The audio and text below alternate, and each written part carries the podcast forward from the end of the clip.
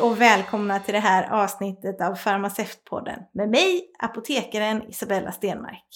Under år 2020 lanserades Svelits, en databas där hälso och sjukvårdspersonal kan leta svar på frågor om läkemedel. Trots att det finns mycket matnyttig information att hitta via Svelits är sidan än så länge ganska okänd.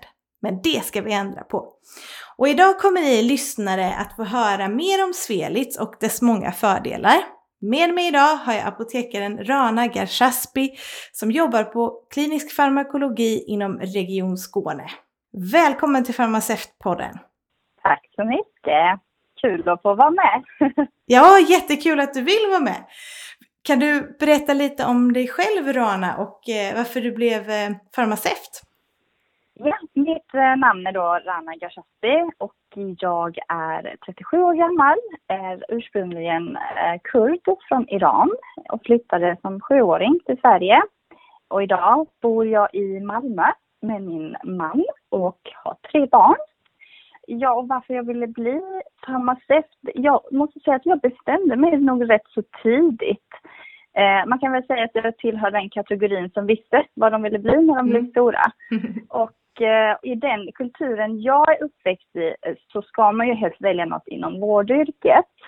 Eh, och då tyckte jag ju, just apotekare eh, är ju väldigt respekterad yrke i mitt hemland och eh, jag tyckte det var så himla trevligt att gå till apoteket när jag var liten, och, mm. eller när jag var yngre i alla fall. Inte så liten visste jag nog inte vad jag ville bli, men när jag var yngre. Mm. Och att få jobba på apotek och hjälpa patienter och Eh, med, med, medicin.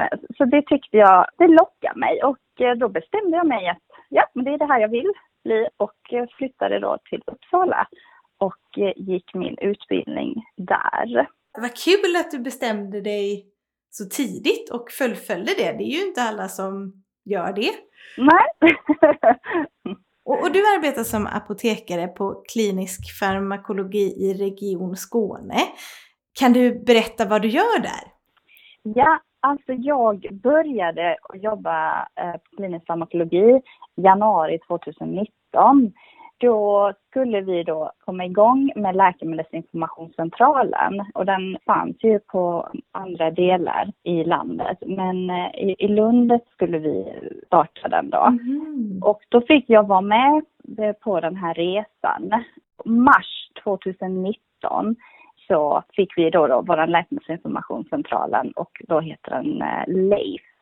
Mm-hmm. Och eh, på Läkemedelsinformationscentralen, det är ju en del av enheten klinisk farmakologi inom verksamhetsområdet klinisk kemi och farmakologi. Och eh, den är ju en tjänst för medarbetare inom hälso och sjukvården och tandvården då inom Region Skåne samt även vårdgivare som har ett avtal med Region Skåne. Mm. Och då bistår vi då med sjuk och tandvård med producent, obunden och evidensbaserad läkemedelsinformation. Så det är det jag sysslar främst med. Mm. Men du jobbar också med Svelits förstår jag? Ja, det gör jag. Och alltså, Svelis är ju en svensk söksida. Mm för den här norska publiceringsdatabasen Relis. Mm. Där norska och sex av de svenska läkemedelsinformationscentralerna som publicerar då oberoende evidensbaserade läkemedelsutredningar och allt är avidentifierade då. Mm. Och då är utredningarna både skrivna på svenska eller då på norska. Mm. Och vi är ju då sex eh, av de här eh, sju läkemedelsinformationscentraler som är med i Svelis. Den sjunde är ju Karolik i Stockholm, men de har sin egen publiceringsdatabas. Och eh, vi som är med i Svelis är då Elinor i Umeå, eh, mm. så finns ju LUP i Göteborg, Ulik i Uppsala, Klint i Örebro, Lilly i Linköping och Leif då i Lund. Ja, och alla svar som vi får i alla fall på Leif då, de kvalitetssäkras också genom kontrasignering av en klinisk farmakolog. Och, och, när du säger eh, era svar, är du med och svarar på frågor också? Mm.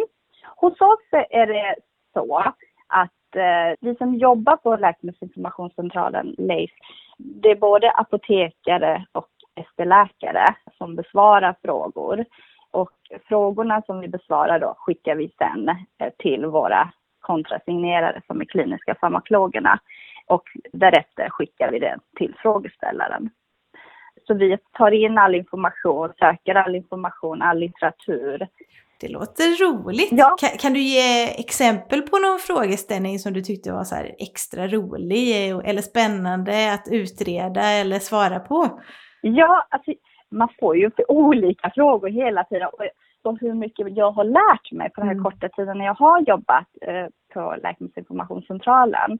Och eh, jag fick en fråga gällande hur påverkar en genomgången gastric bypass-operation upptaget av eh, levometromacin? Mm. Och det var ju väldigt spännande för där fick jag ju både läsa om kinetiken eh, av läkemedlet, av substansen då, men även då läsa om själva den här gastric bypass-operationen, vad som då kan påverka läkemedelsomsättningen och ja, så, så, så man, vissa frågor blir, får man ju gå väldigt djupt just för att kunna ha den kunskapen för att kunna besvara frågan. Så, så, så den, var, den var rolig. Mm.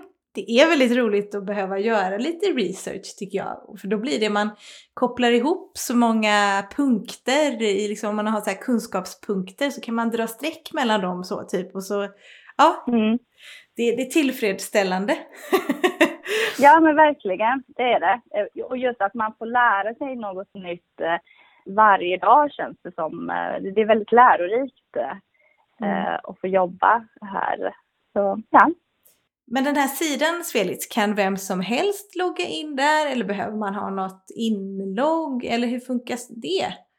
Nej, det är till vem som helst. Eh, det är ju främst egentligen till de som jobbar inom hälso och sjukvård. Mm. Till exempel läkare, sjuksköterskor och barnmorskor eller tandläkare. Mm. Men vanliga patienter eller personer kan ju också gå in. Eh, så, så den är ju tillgänglig för alla. Mm. Ja men det är bra att veta. Ja. Vet ni vilka yrkesgrupper eller funktioner som använder Svelits mest? Nej, det är alltså omöjligt att, att ta reda på det faktiskt.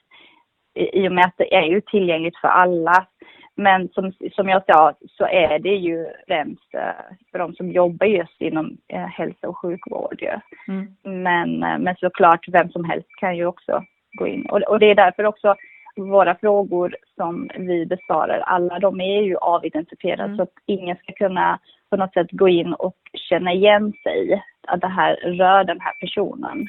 Har ni någon uppfattning om vilka frågeställningar som är mest sökta på då i databasen? Mm. Jag fick faktiskt statistik just igår av eh, min kollega i Uppsala.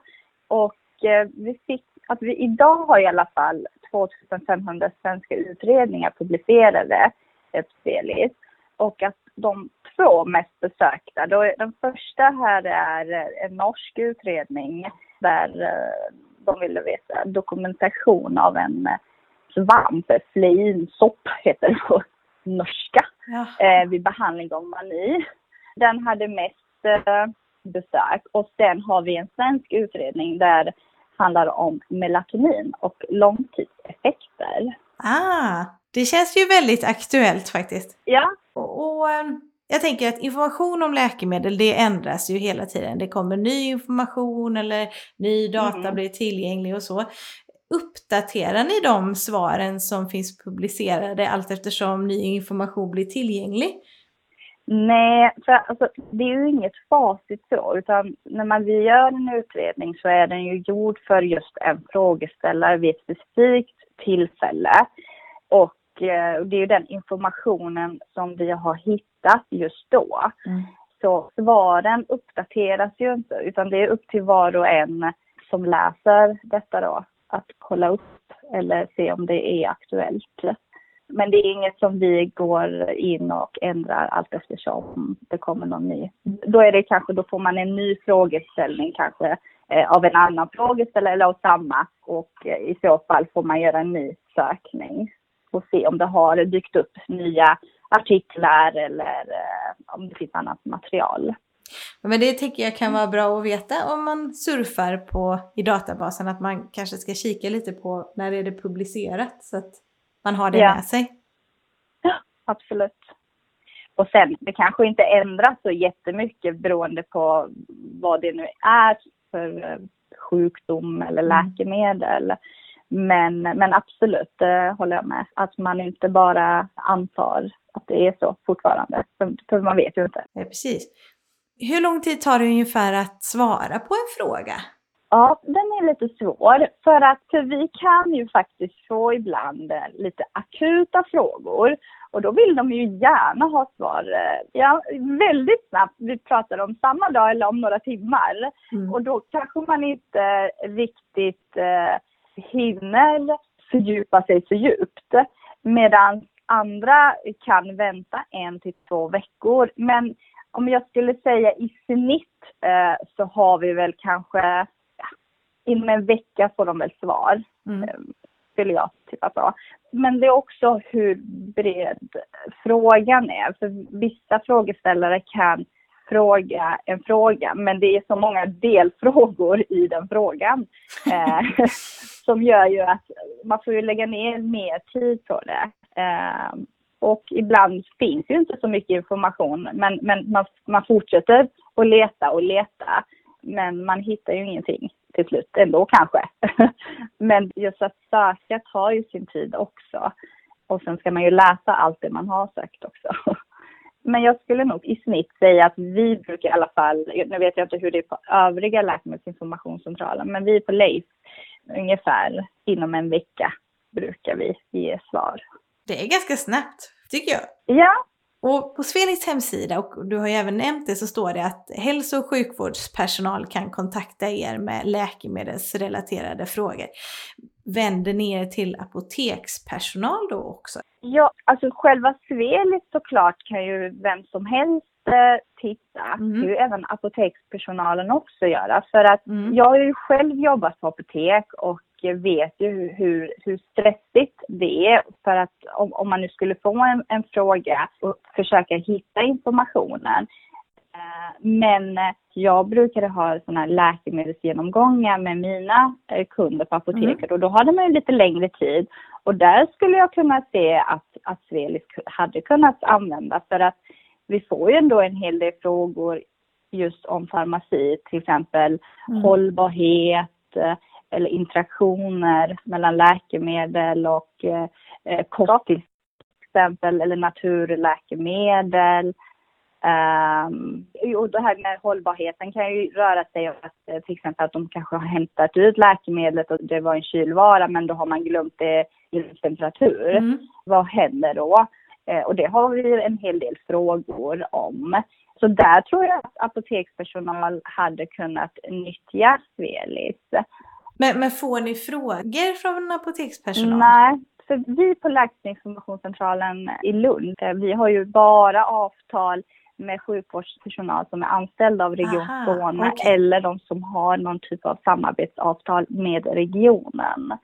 Eh, Men jag kan tyvärr inte eh, prata för hur, hur det är för de andra. Men jag, jag tror nästan de andra läkemedelsinformationscentraler har på samma sätt då. Men det, det kan ju också vara bra att veta att, att man som apoteksanställd kanske inte kan skicka in en egen fråga men man kan eh, nyttja all information som finns där.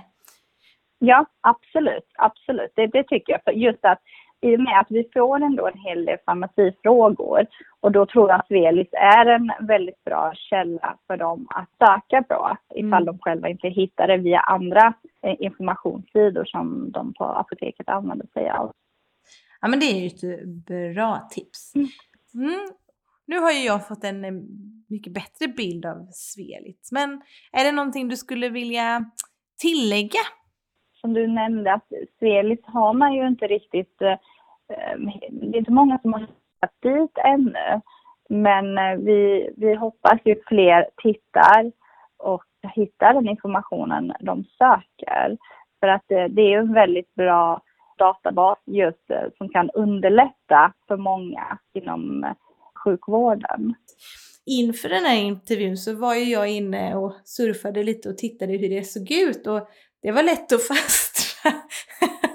För det är alltid spännande att läsa som du sa med interaktioner och hållbarhet tittade jag också på och ja, men massa saker som, som kan vara intressant. Och även eh, om man kunde lösa upp vissa tabletter och kunde de delas och krossas. Och det var ju mycket sådana grejer som ja, mm. faktiskt eh, frågeställningar som inte är helt ovanliga även för en apoteksfarmaceut. Mm, mm. Och just att innan vi hade någon databas, det var ju bara vi och respektive frågeställare som fick svaret. Mm. Att, bara spara en sån utredning där andra kanske kan nyttja eller i alla fall använda sig av kanske de källorna vi har hittat eller de referenserna vi har eh, och sen eh, fördjupa sig ytterligare vid ett senare tillfälle eller för en annan patient. Eh, så själva databasen är ju fantastisk på det sättet att den, den är ju öppen för alla. Det finns stor potential hör jag. Absolut, absolut. Nu hoppas jag att alla som lyssnar surfar in och kikar lite i den här databasen. Stort tack Rana för att du har tagit dig tid att vara med i Farmaceutpodden och berätta för oss om Svelits.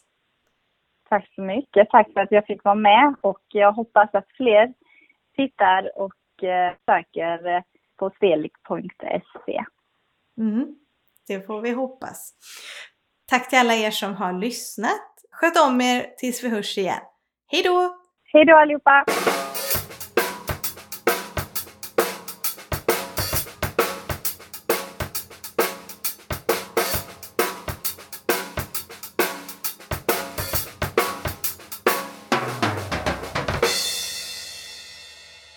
Producerat av Isabella Stenmark för Farmaceutpodden.